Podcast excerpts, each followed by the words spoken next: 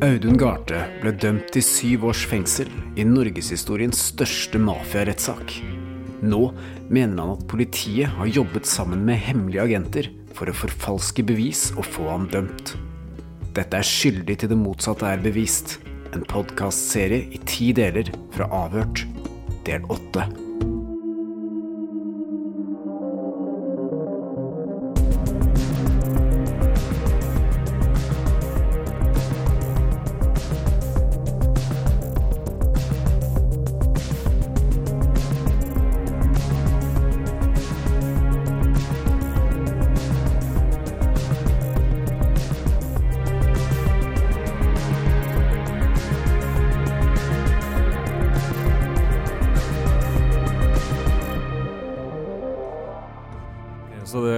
Snakk om Tore sin bobiltur, ikke sant? Ja, Ja. Det har det. Så har, har Tore forklart noe annet nå? det er gitt andre forklaringer i saken, ja. Det er sånn jeg blir sjokkert, jeg blir forbanna, men jeg blir letta fordi at eh, det viser det jeg har fortalt hele veien. Selv om vi har fått nye bevis som peker mot at mannen vi har kalt Ronny, har hatt et tett samarbeid med politiet og kan ha vært den som ble brukt av politiet som agent for å lokke Audun Garthe inn i saken, blir vi nok ikke ferdig med Tore Karlsen med det første. Det var ikke i mine tanker at det ville bli slik i det hele og det store. En av de gangene man var faktisk uskyldig, så skal man dømmes. Tore ble dømt til samfunnstjeneste for å ha kjørt en bobil fra Norge til Tyskland. Målet var Nederland, hvor han skulle hjelpe til med å smugle 50 kilo hasj hjem til Norge. Jeg skulle overhodet ikke komme i kontakt med noe hasj. Det var jo ikke en tanke som slo oss der og da, at politiet var den som ble problemet. Ifølge historien de selv forteller, skulle de kun late som om de skulle smugle. I virkeligheten skulle Tore få så mange problemer underveis at han måtte reise hjem. Men retten dømte alle de involverte fordi Tore var kommet for nær den nederlandske grensa. Jeg gikk gjennom over 10 000 dokumenter, og jeg fant kraftige redigeringer. Beviset i saken mange Audun har er- presentert flere teorier for oss, som han bl.a. mener beviser at GPS-dataene fra bobilturen som ble fremlagt til rettssaken, ikke stammer fra den faktiske turen. Enten har GPS-enheten som satt i bilen blitt byttet ut, eller så har dataene blitt endret eller forfalsket. Hva tenker du om Tore Karlsens forklaring? Tore Karlsens forklaring stemmer ikke med de bevis som er fremlagt i saken. Uansett mener Audun og hans medhjelpere at det er nærliggende å tro at Tore Karlsen har vært en politiagent under hele denne smugleroperasjonen. Alt for å få Audun dømt for en forbrytelse han selv aldri hadde tenkt å gjennomføre. Jeg kjemper med livskamp nå, for jeg hadde slutta med alt. Men jeg blir fanga inn igjen av politiets informanter og ulovlig redigering av bevis, der jeg blir dømt i en straffesak. Og jeg kommer aldri til å gi meg på denne saken her. Velkommen til episode åtte av Skyldig til det motsatte er bevist. Takk for at du fortsatt følger med. Dette er en sak som har tatt mange vendinger underveis, og det er ikke alltid like lett å følge med. Og nå har altså saken tatt nok en uventet vending. Tore, som hele tiden har sagt imot Audun og hans påstander, har nå endret forklaring. Hva han nå mener har skjedd på bobilturen, det vet vi ikke ennå. Men Audun forteller at det han nå sier, støtter hans egne teorier. Hallo, Sigurd. Hallo, hei, hei. Han ringer en master, han der borte. Han er litt opptatt av sin egen sak. Jeg skjønner jo det. Det har nok mye som skjer eh, rundt det. Advokat Sigurd Klomsæt har vært en av Auduns sterkeste støttespillere gjennom hele denne prosessen, og vi har fått høre at han kan hjelpe oss å få innsikt i de nye dokumentene som nå er sendt inn til Gjenopptakelseskommisjonen. Audun han ringte her eh, for noen uker siden og sa at det hadde kommet ny opplysning i saken, en ny forklaring angående eh, hvor denne bobilen eh, hadde befunnet seg den sommeren eh, 2015. Ja, eh, Carlsen har gitt helt nye forklaringer. Tore Karlsen har forklart seg på en annen måte enn det han gjorde i retten. Ja, men jeg kjenner ikke oppfølgingen. Men hva, hvordan har Tore forklart seg på ny? Jeg har ikke tid til å se på det, men jeg kan sende deg det han har skrevet. Ja, dette er altså Tore Karlsens egne ord. Han har skrevet Men ned. du kan bare vente og være litt tålmodig nå, så okay. så får du det. Jeg har ikke noe å skjule for noen, så dette er ikke jeg noe problem med. Altså, Stein Møllaug og han har sittet mye og jobba med dette, Ja. og uh, har funnet ut mye. Det er laget en ny rapport der. Her, ja. Jeg har aldri befunnet meg på stedet eller i nærheten av området hvor påtalemyndighetens fremlagte bevis, GPS-en, Jeg understreker at dette er kommet til meg uten noen form for kontakt fra min side. med, med Tore. Ja. Ja, ok. Ok, fint. Da skal vi få sitte over det du har sendt over nå. Jeg sa jo til dere for et år eller to siden at denne saken minnet meg veldig mye om Birgitte-saken og andre saker jeg jobber med. Når du graver, så blir det jævla møkt på fingra. Ja. Det blir bare lukter mer og mer. ikke sant? Så jeg står for det jeg sa den gangen, og har ikke minsket min omtale. All right, vi fikk jo masse dokumenter av Sigurd Klomsitz. eh, Og er det noe spesielt du reagerer på her, Stein Morten? Ja, det er vel eh, flere ting. Det er jo et ganske langt dokument som er sendt til Oslo politidistrikt. Og der er det jo flere ting. Vi kan f.eks. begynne med denne berømte ulykken i Sverige. Mm. Tore fortalte jo til oss at han planla å øh, bli utsatt for en ulykke på tur, sånn at øh, de kunne si til Metkel Betev at øh, vi har ikke sjanse til å komme ned fordi at bilene bilen vraka. Ja, Tore skulle rett og slett kjøre av veien og krasje eh, bilen. Det han skriver her nå, det er at eh, jeg krasjet aldri på E6 på utsiden av Falkenberg. Jeg ber om at påtalemyndigheten innkaller politifolkene i Sverige til avhør for å bekrefte min nye versjon av saken. Så det Tore sier er at ja, han krasja bobilen, men ikke der hvor politiet hevder at han gjorde det, og som de la fram som bevis i straffesaken. Så det han mener med det, er vel da at politiet her har gjort en ganske dårlig jobb.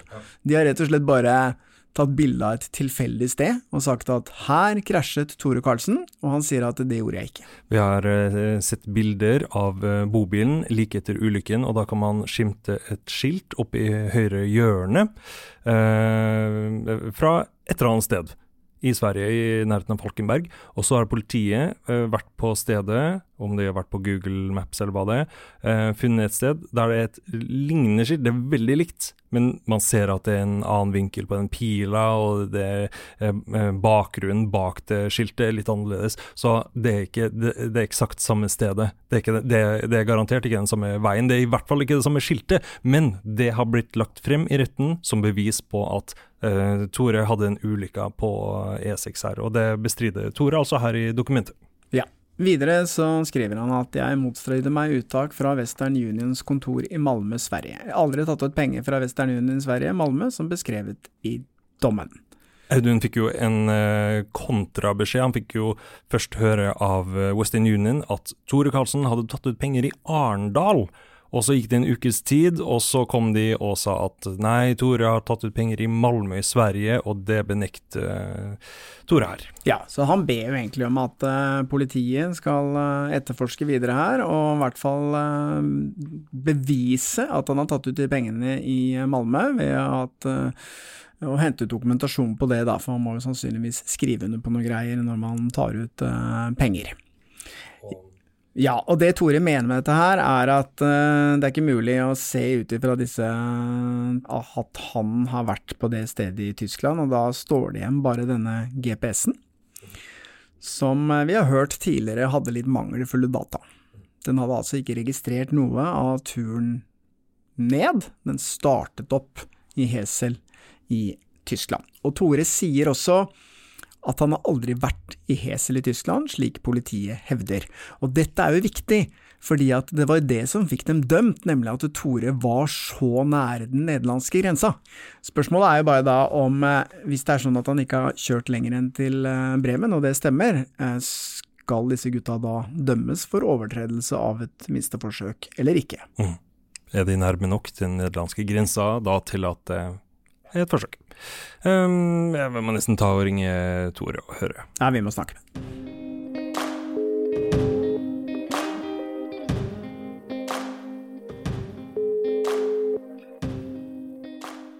Hallo, ja. Hei, Tore. Stein Hei, Morten. sann. Hallo. Hei, Tore. Helge her. Ja, hallaisen, ja. Ja, Tore.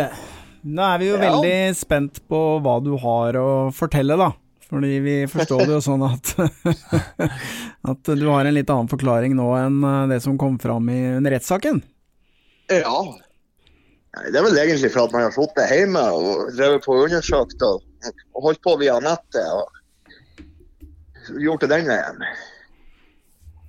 Så Gravd, rett og slett. Man har gravd veldig mye i den saka for å prøve å finne ut hva det er som I bunn og grunn så skal ikke jeg måtte bevise min uskyld. Nei, det er Det er jo så dem som skal sant. bevise min skyld, og det har de jo ikke klart å gjøre bedre av saka i utgangspunktet. Nei. Men Vi er jo rett og eh, slett dømt på en dealsiervelse, dømt for noe som de sjøl har gjort. Ok. Ja. Men har du hatt tilgang på saksdokumentene, da? ja, de har jeg jo. Ja. Eh, Så har jeg jo òg holdt på veldig mye med en sånn akkurat likens GPS-enhet. For å finne ut om hvor enkelt det eventuelt skulle være å kunne hacke den. Har, har du kjøpt en tilsvarende GPS? Jeg har kjøpt to. Ja. En sånn Garmin Garmin Nuvo et eller annet. 255W var jo den GPS-en som sto i bobilen, ifølge politiet. Ja, det skal være den samme som står i rapportene. Men, men hva har du funnet ut om de GPS-ene, da? Uh, For hvem som helst så uh, bruker man antakeligvis en plass mellom åtte og ti minutter å kunne hacke en sånn. en.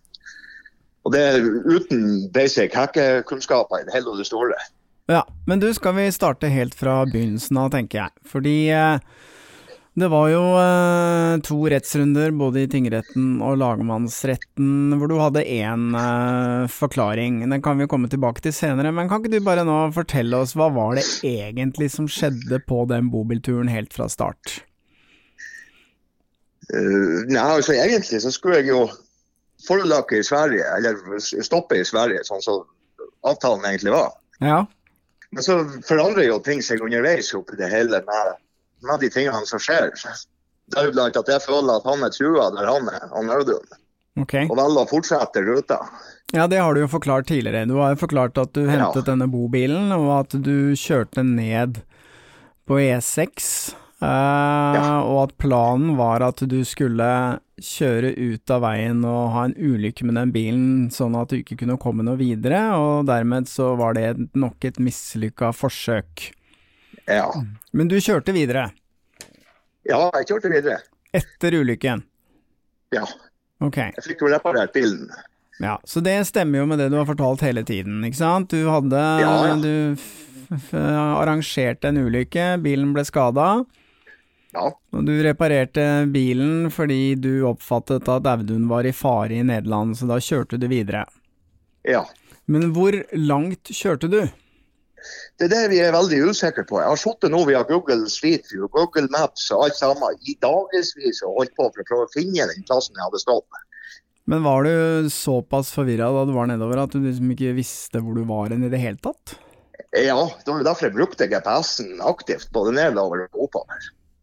Ok. Jeg var jo, en, eh, jeg var jo tross alt midt i en rusperiode der jeg var så rusa når jeg kjørte av gårde at egentlig så er det utrolig at jeg kunne kjørt bil. Men du, eh, det jeg lurer litt på er jo eh, Hva tenker du at Du mener nå at du er feilaktig dømt, da, eller det er det som er greia? Og Ja. at du har aldri Aldri vært så langt ned i Tyskland med den bobilen som politiet hevder, sånn at du har ikke tråkket over det minste forsøk? Nei, altså, sånn, sånn som jeg ser det, så var jeg og sakte opp plassen her i Tyskland jeg mener jeg har stått. der. Jeg, jeg kjenner meg ikke igjen, for jeg har aldri vært på den plassen. Du har aldri vært der nede i Tyskland som politiet hevder at du sto med bobilen. Nei. Men samtidig så sier du at du var jo ikke helt, helt tilregnelig. Det stemmer. Men det du hevder nå, da, det er at uh, du eh, la ut på en bobiltur. Eh, akkurat som du har sagt tidligere. Uh, du Ja. uh, hadde planer om å kollidere bilen i Sverige. Sånn Stemmer. som du har sagt tidligere, og det gjorde du. Du bare gjorde det på et annet sted enn det politiet hevder at du gjorde det. Ja. Ja. Men du reparerte den bilen på den bensinstasjonen, Ja, ja, ja. og du kjørte videre, og du krysset over til Danmark. Stemmer. Ja. Og så står det også at du tok aldri ut noen eh, penger fra Western Union i Malmö som eh, vises på kvitteringen fra Western Union, og det er du helt sikker på? Ja, jeg har ikke, jeg har ikke tatt ut noe i Malmö. Ikke noe i Malmö. Nei, det har jo blitt en ekstratur for meg å kjøre til Malmö hvis jeg skulle kjøre den veien. Ja, for du kjørte er jo en omvei. E6 Du kjørte E6 rett ned og over Øresundbrua, var det så? Stemmer det? Ok, så kommer du over til København. Yes. Og da kjørte du bare motorveien videre sørover, da, eller? Ja, det var videre sørover der. Kjørte du av motorveien på noe som helst eh, tidspunkt? Det er det jeg er usikker på. Jeg, jeg, jeg tror ikke det. Jeg mener selv at jeg husker Hamburg. Jeg kom inn mot Hamburg på kveldstid. Ok, men da er du i Tyskland? Ja, da er jeg i Tyskland. Ja. Så du kom i hvert fall til Men du ser, Hamburg? du ser ikke grensa når du, når du krysser henne der nede, for den er jo helt åpen. Du Ja, kan oppdage at veiskiltene blir et annet språk på. Kan du huske hvor lenge du kjørte etter at du så Hamburg? Det var ikke lenge. Jeg vil tippe på en plass mellom en time, kanskje halvannen. Bare en time halvannen fra Hamburg. Ikke noe lenger Ja. enn det. Ok? Nei. Og så stanset du bilen. Eh, Ja, så stansa jo bilen at jeg var fri for drivstoff, jeg var fri for penger, fri for alt sammen. Ja, ok, så da var du helt blakk. Da var jeg helt blakk. Hva skjedde videre da? Du, hva gjorde du da når du sto en time eller halvannen sør for Hamburg uten penger og drivstoff? Der ble jeg stående i noen dager inntil at jeg fikk en overføring. Jeg vet ikke om det var fra Michelle til syvende og sist som kom inn, eller hva det var for noe. Det var noen helligdager der nede i den tida der, eller noe som gjorde at ikke bankoverførselen gikk, for det var helg. Ok, så du sto liksom fast på Ja, det der sto jeg veldig fast. og kom ikke noe videre? Nei, jeg var utallige ganger oppe i den minibanken som var der i området. Og til slutt så fikk jeg beskjed hos en som jobba der som vasker. Nå tror jeg vi skal stoppe Tore før det blir for komplisert å følge med på. Det blir fort veldig teknisk, men det er nettopp slik det er med true crime, eller sandkrim dersom du vil bruke det fornorskede uttrykket. Det er kjedelige detaljer og teknikaliteter som kan være med på å løse en sak. Og det er nettopp disse teknikalitetene som Audun er på jakt etter, og han håper kan være med på å bevise at politi og påtalemyndigheter har tatt feil. Men det viktigste med Fordi det dere ble dømt på, det var jo at du hadde kjørt bobilen såpass langt ned mot Nederland at dere hadde tråkket over et minsteforsøk for å prøve å hente narkotikaen, ikke sant? Jo, Så det viktigste nå med din endrede forklaring, det er at du aldri har kjørt så langt ned mot Nederland. Du har kjørt en time og halvannen sør, sørvest for Hamburg. For der stoppa du, og da hadde du ikke mer bensin, ikke sant? Ja. Men jeg bare lurer på, Tore, fordi eh, hva er grunnen til at du da i to runder i retten har eh, forklart noe annet? Jo, det, det er jo ganske enkelt. For det at Cecilie i seg selv har jo forklart meg hvordan hva jeg skulle fortelle, hva jeg skulle gjøre, hvordan jeg skulle oppføre meg gjennom både tingretten og lagmannsretten. Og særlig lagmannsretten etter at jeg hadde en episode i tingretten der jeg hadde klart å ture den aktoren sånn opp at han gikk i lufta. Jeg husker han ble litt sinna, ja. Ja, Mm. og da ble jeg lagt munnkurv på via henne. Så det du sier av din advokat, altså Cecilie Nakstad, Ja. hun uh, fortalte deg hva du skulle si i retten? Ja. Vi hadde utallige møter der vi satt og øvde, oppe på kontoret hennes bl.a. Der hun satt og øvde inn de forskjellige tingene. Det må du si, det må du ikke si, sånn må du ikke gjøre. Det må du godta, ikke sant? Alt det her. Ok. Så- Sånn som sånn så jeg hadde sett ståa den, den gangen der, så var det jo sånn at han Audun hadde jo sagt allerede da jeg satt inne i Tyrkia at hun Cecilie hun kan du stole på. Ja. Og dermed så stoler jo jeg på den dama. Jeg stoler jo blindt på den kjerringa. Cecilie Nakstad var Tores advokat gjennom Sult-saken, og er faktisk kusine av assisterende helsedirektør Espen Rostrup Nakstad, som de fleste av oss har blitt ganske godt kjent med de siste par årene.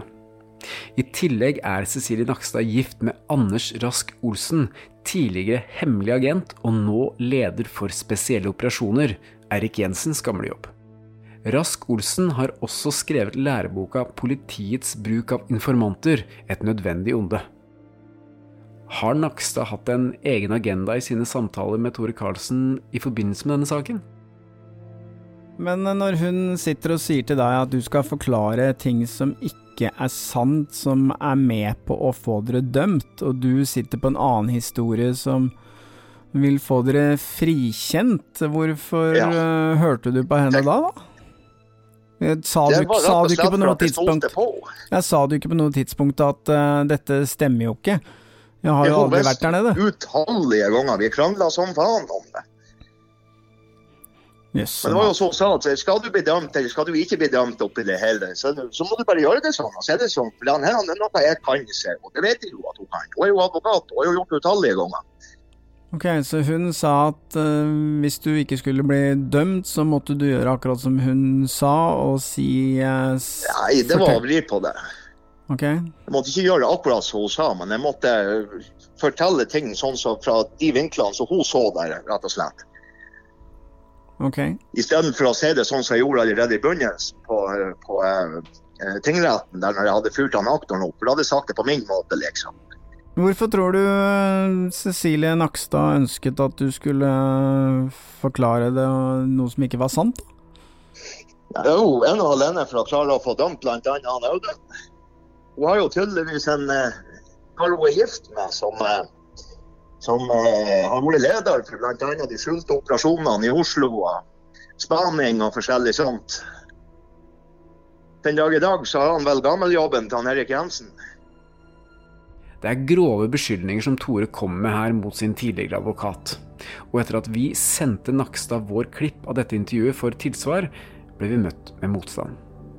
Faktisk var det Tore som tok kontakt med oss i forkant av publisering og ba oss om å fjerne hele intervjuet. Men etter at vi har hatt flere samtaler med Tore i etterkant av dette, har vi valgt å publisere intervjuet til tross for Nakstads protester. Så det du sier egentlig at du mistenker at din advokat Cecilie Nakstad har påvirket ditt vitnemål eh, til gunst for politiet fordi hun er gift med en politimann som var sentral i etterforskningen? Klart. Så spør du meg, så ser jeg egentlig ut på hele greien som en komplott, for å si det sånn. Opplyste Cecilie Nakstad deg om noen gang om at, hvem hun var gift med, og at hun hadde en eh, mann som eh, var sentral i etterforskningen av deg? Nei. Det fikk du aldri vite? Nei, det fikk jeg aldri vite. Nei. Da hadde jeg jo blitt skifta henne tvert. Jeg hadde jo aldri brukt henne som advokat. Nei, ikke sant. Og det samme valget burde jo de andre i saka kunne få oppi det hele. Mm. Hvis hun skal være med i saka som advokat for en av de tiltalte, så burde det jo varsles ifra om til samtlige saka om at hun har en gubbe som er sentral i etterforskninga. Ja, dette er jo ganske sjokkerende nyheter, da, Tore. Jeg vil jo si det. Altså, hvis dette stemmer, så er det jo helt uh, katastrofe. Det er jo det. Det er ikke bare katastrofe, men det her han har jo foregått over mange år i tillegg. det hele. Men uh, bare sånn for å oppsummere litt, altså. Uh, det du hevder, det er at din forklaring ble på mange påvirket av din advokat Cecilie Nakstad, til å du ble påvirket til egentlig å avgi en gal, en feilaktig forklaring. Ja. Fordi at det var det hun rådet deg til. Og Yes. eh, det du forklarer nå, er at du har aldri kjørt den bobilen så langt som det politiet hevder at du har gjort. Nei, på langt nær. Jeg, jeg har gått gjennom så mange kart og street og alt mulig det, det, det stemmer jo ikke med den ruta de har. Audun, Tore og Alf Henrik gjennomførte aldri smuglingen av narkotikaen. Men det gjorde politiets undercover-agenter, og store mengder av dette stoffet havnet som følge av dette på gata i Norge. Tore mener at hvis det ikke var for politiet, så ville dette aldri skjedd. Sånn som jeg ser det, så burde jo vi ha vært behandla annerledes. Vi stoppa jo hele innførselen oppi det hele. Noe som politiet foretok da videre og klarte å miste på gata til en masse unger. Ja, det er for så vidt sant. Ja, vet du, det er sant. Det er ikke, det er ikke tull engang. Altså, vi hadde stoppa hele operasjonen. men Det hadde aldri kommet til Norge, den narkotikaen, hvis, det, hvis ikke politiet hadde tatt den. Men Tore, um, har, nå har vi jo hatt noen episoder eh, om den saken her. Har du opplevd noen ubehageligheter i forbindelse med det? Ja, jeg ble jo uthengt som politiinformant oppi det hele, så jeg endte jo opp med en haug med både drapstrusler og forskjellig i det her. Av hvem da? Blant annet ble jeg stoppa på gata her på Finnsnes. Jeg var ute en tur i lag med kjerringa, og han fløy rett på meg og skulle drepe meg på plassen. Han mente at jeg var politiinformant og forskjellig. Vi skulle møtes egentlig på samme festen på et nachspiel der, men det endte opp med at jeg fikk ikke komme inn der engang oppi det hele, pga. at jeg var politiinformant. Ja, og det var en som hadde hørt uh, de episodene om, om Audun? Ja, stemmer det. På podkasten. Jeg hadde, jeg hadde aldri truffet denne personen her før. Ok. Det er akkurat det som er problemet. Det var ikke det er ikke den eneste hendelsen. Det er flere av de hendelsene pga. denne Schultz-saka, og at jeg har blitt sett som en trussel og politiinformant oppi det hele. Ja. Folk har jo skygga bane, så det har stått etter. De har ikke hatt, villet ha kontakt engang med meg pga. de der tingene. Har du konfrontert Audun med det der, da? At han beskylder for å være informant og, og har jobba med politiet i den saken her? Det kan jeg love deg jeg har. Jeg har ropt det så inn i helvete til han at det er helt skummelt. Hva, hva, hva sier han da? Han har sett nå den min sida i den saka. Han skjønner jo det at jeg har jo aldri i livet kunnet operert i noe, med noe politi i utgangspunktet. Så de, de har jo holdt et sånn helvete med meg opp gjennom tida og opp gjennom livet at det er jo helt skummelt. Hvorfor i all verden skal jeg hjelpe deg?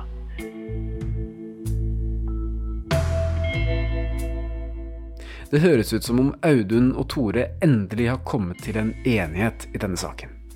Kanskje er det pga. de bevisene vi har presentert for Audun. De villedende GPS-sporene og informasjonen som peker mot Ronny. Eller kanskje dette er en historie de to nå har kokt sammen for å finne et hull i nettopp disse teknikalitetene som jeg snakket om tidligere. Men det er som Tore sier, det er påtalemyndighetene sitt ansvar å bevise deres skyld. Det er ikke de som skal måtte bevise sin uskyld. Og det kan selvfølgelig diskuteres hvorvidt de bevisene som ble fremlagt mot Audun og Tore var sterke nok, men det er uansett slik at det er de nå som er skyldige til det motsatte er bevist.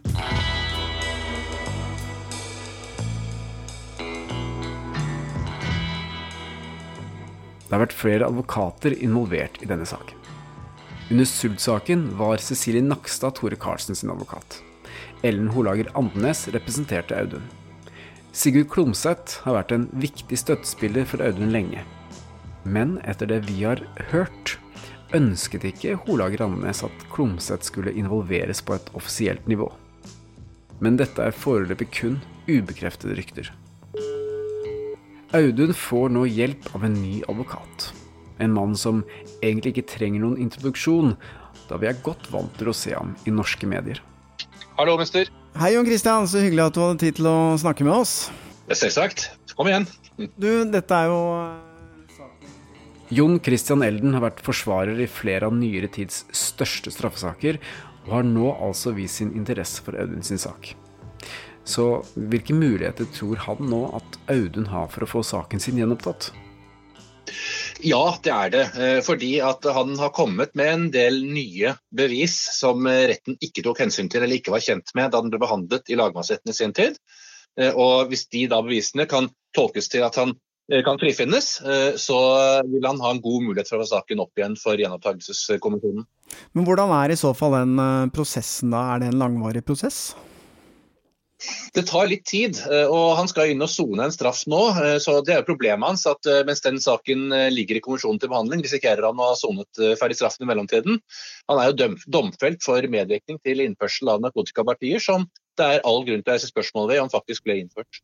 Ja, Hvor godt kjenner du Sult-saken egentlig? Du var jo ikke involvert i den?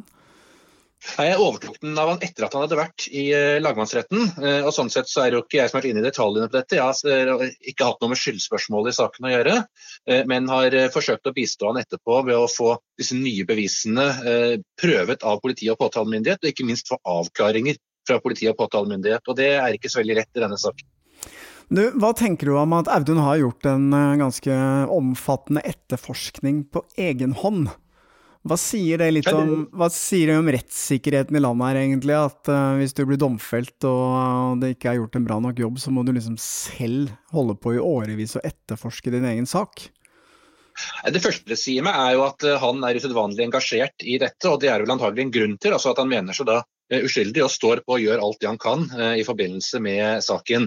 Han har også veldig gode evner i dette her, fordi at han for, foretar faktisk en etterforskning. og han ettergår de reglene som gjelder. Han tar kontrakt med kontrollutvalget, kommunikasjonskontroll, med EOS-utvalget, kommunikasjonsmyndigheten. Altså alt det som skal til eh, for å avdekke at eh, her er det ugler i mosen. Det er offentlige organer som noen av dem må åpenbart eh, ta feil. Eh, skulle man fulgt eh, hva disse kontrollutvalgene sier, så har det jo aldri vært foretatt noe telefonavlytting noen gang, samtidig som det er brukt som bevis mot han. Så det, er mye som ikke henger på greip her. Ok. Du, det har jo vært en sakkyndig innen denne saken. Møller Haug har jo skrevet en ganske lang rapport om kommunikasjonskontroll og opptak og GPS-en osv. Um, har du sett den rapporten, eller? Det jeg gjort, og særlig det han skriver om eh, GPS-en er jo egnet til en viss eh, bekymring. fordi at eh, dette virker som å være et sentralt bevis fra lagmannsrettens side på at en bobil har passert grenser og broer osv. på ulike tidspunkter. Mens ja, Møllerhaug i sin rapport tar dette fra hverandre og konkluderer med at dette som lagmannsretten har lagt til grunn, som påtalemyndigheten hevdet, ikke kan være riktig. Og Da bør det jo ringe noen eh, varsellamper. Ellers bør i alle fall politi og påtalemyndighet forsøke å argumentere mot det. Og det har de jo så langt ikke gjort. Det er jo én person i denne saken som vi har eh, vist spesiell interesse for, og det er denne og det var jo han som satte Audun i kontakt med Alf Henrik Christensen, og som dro i gang hele dette ballet. Han ble aldri tiltalt. Har du noen tanker om hvorfor det? At han slapp unna? Det er vanskelig for meg å spå når det ikke ligger noen opplysninger om det, men det er jo påtagelig at det da ikke ligger opplysninger om det. og Man har vært borti det i andre kriminalsaker der det har vært bruk av informanter, bruk av kildeopplysninger. Eh, og politiet har gjort mye for å holde eh, personer som samarbeider med dem unna saken. Om det er tilfellet her, det vet vi jo ikke. og Problemet er jo at det ikke ligger noen rapporter eller noen som helst ting på det som ville ha kunnet avklare det spørsmålet. Men hvis jeg forteller deg, ja, du har sikkert hørt det, da, men, uh, men vi har jo lydbåndopptak av som innrømmer at han har samarbeidet med politiet. Ikke nødvendigvis, han innrømmer ikke i 2015, men han innrømmer andre årstall.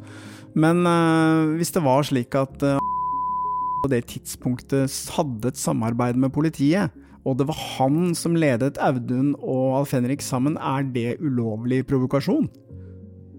Det vil fort kunne være det eh, hvis enten en politimann eller en som jobber på oppdrag fra eh, politiet, som da agent, infiltratør eller hva man velger å kalle vedkommende, eh, hvis noen av dem bevirker at et straffbart forhold finner sted som ellers ikke ville funnet sted, ja, så har ikke lovbryterne begått en straffbar handling.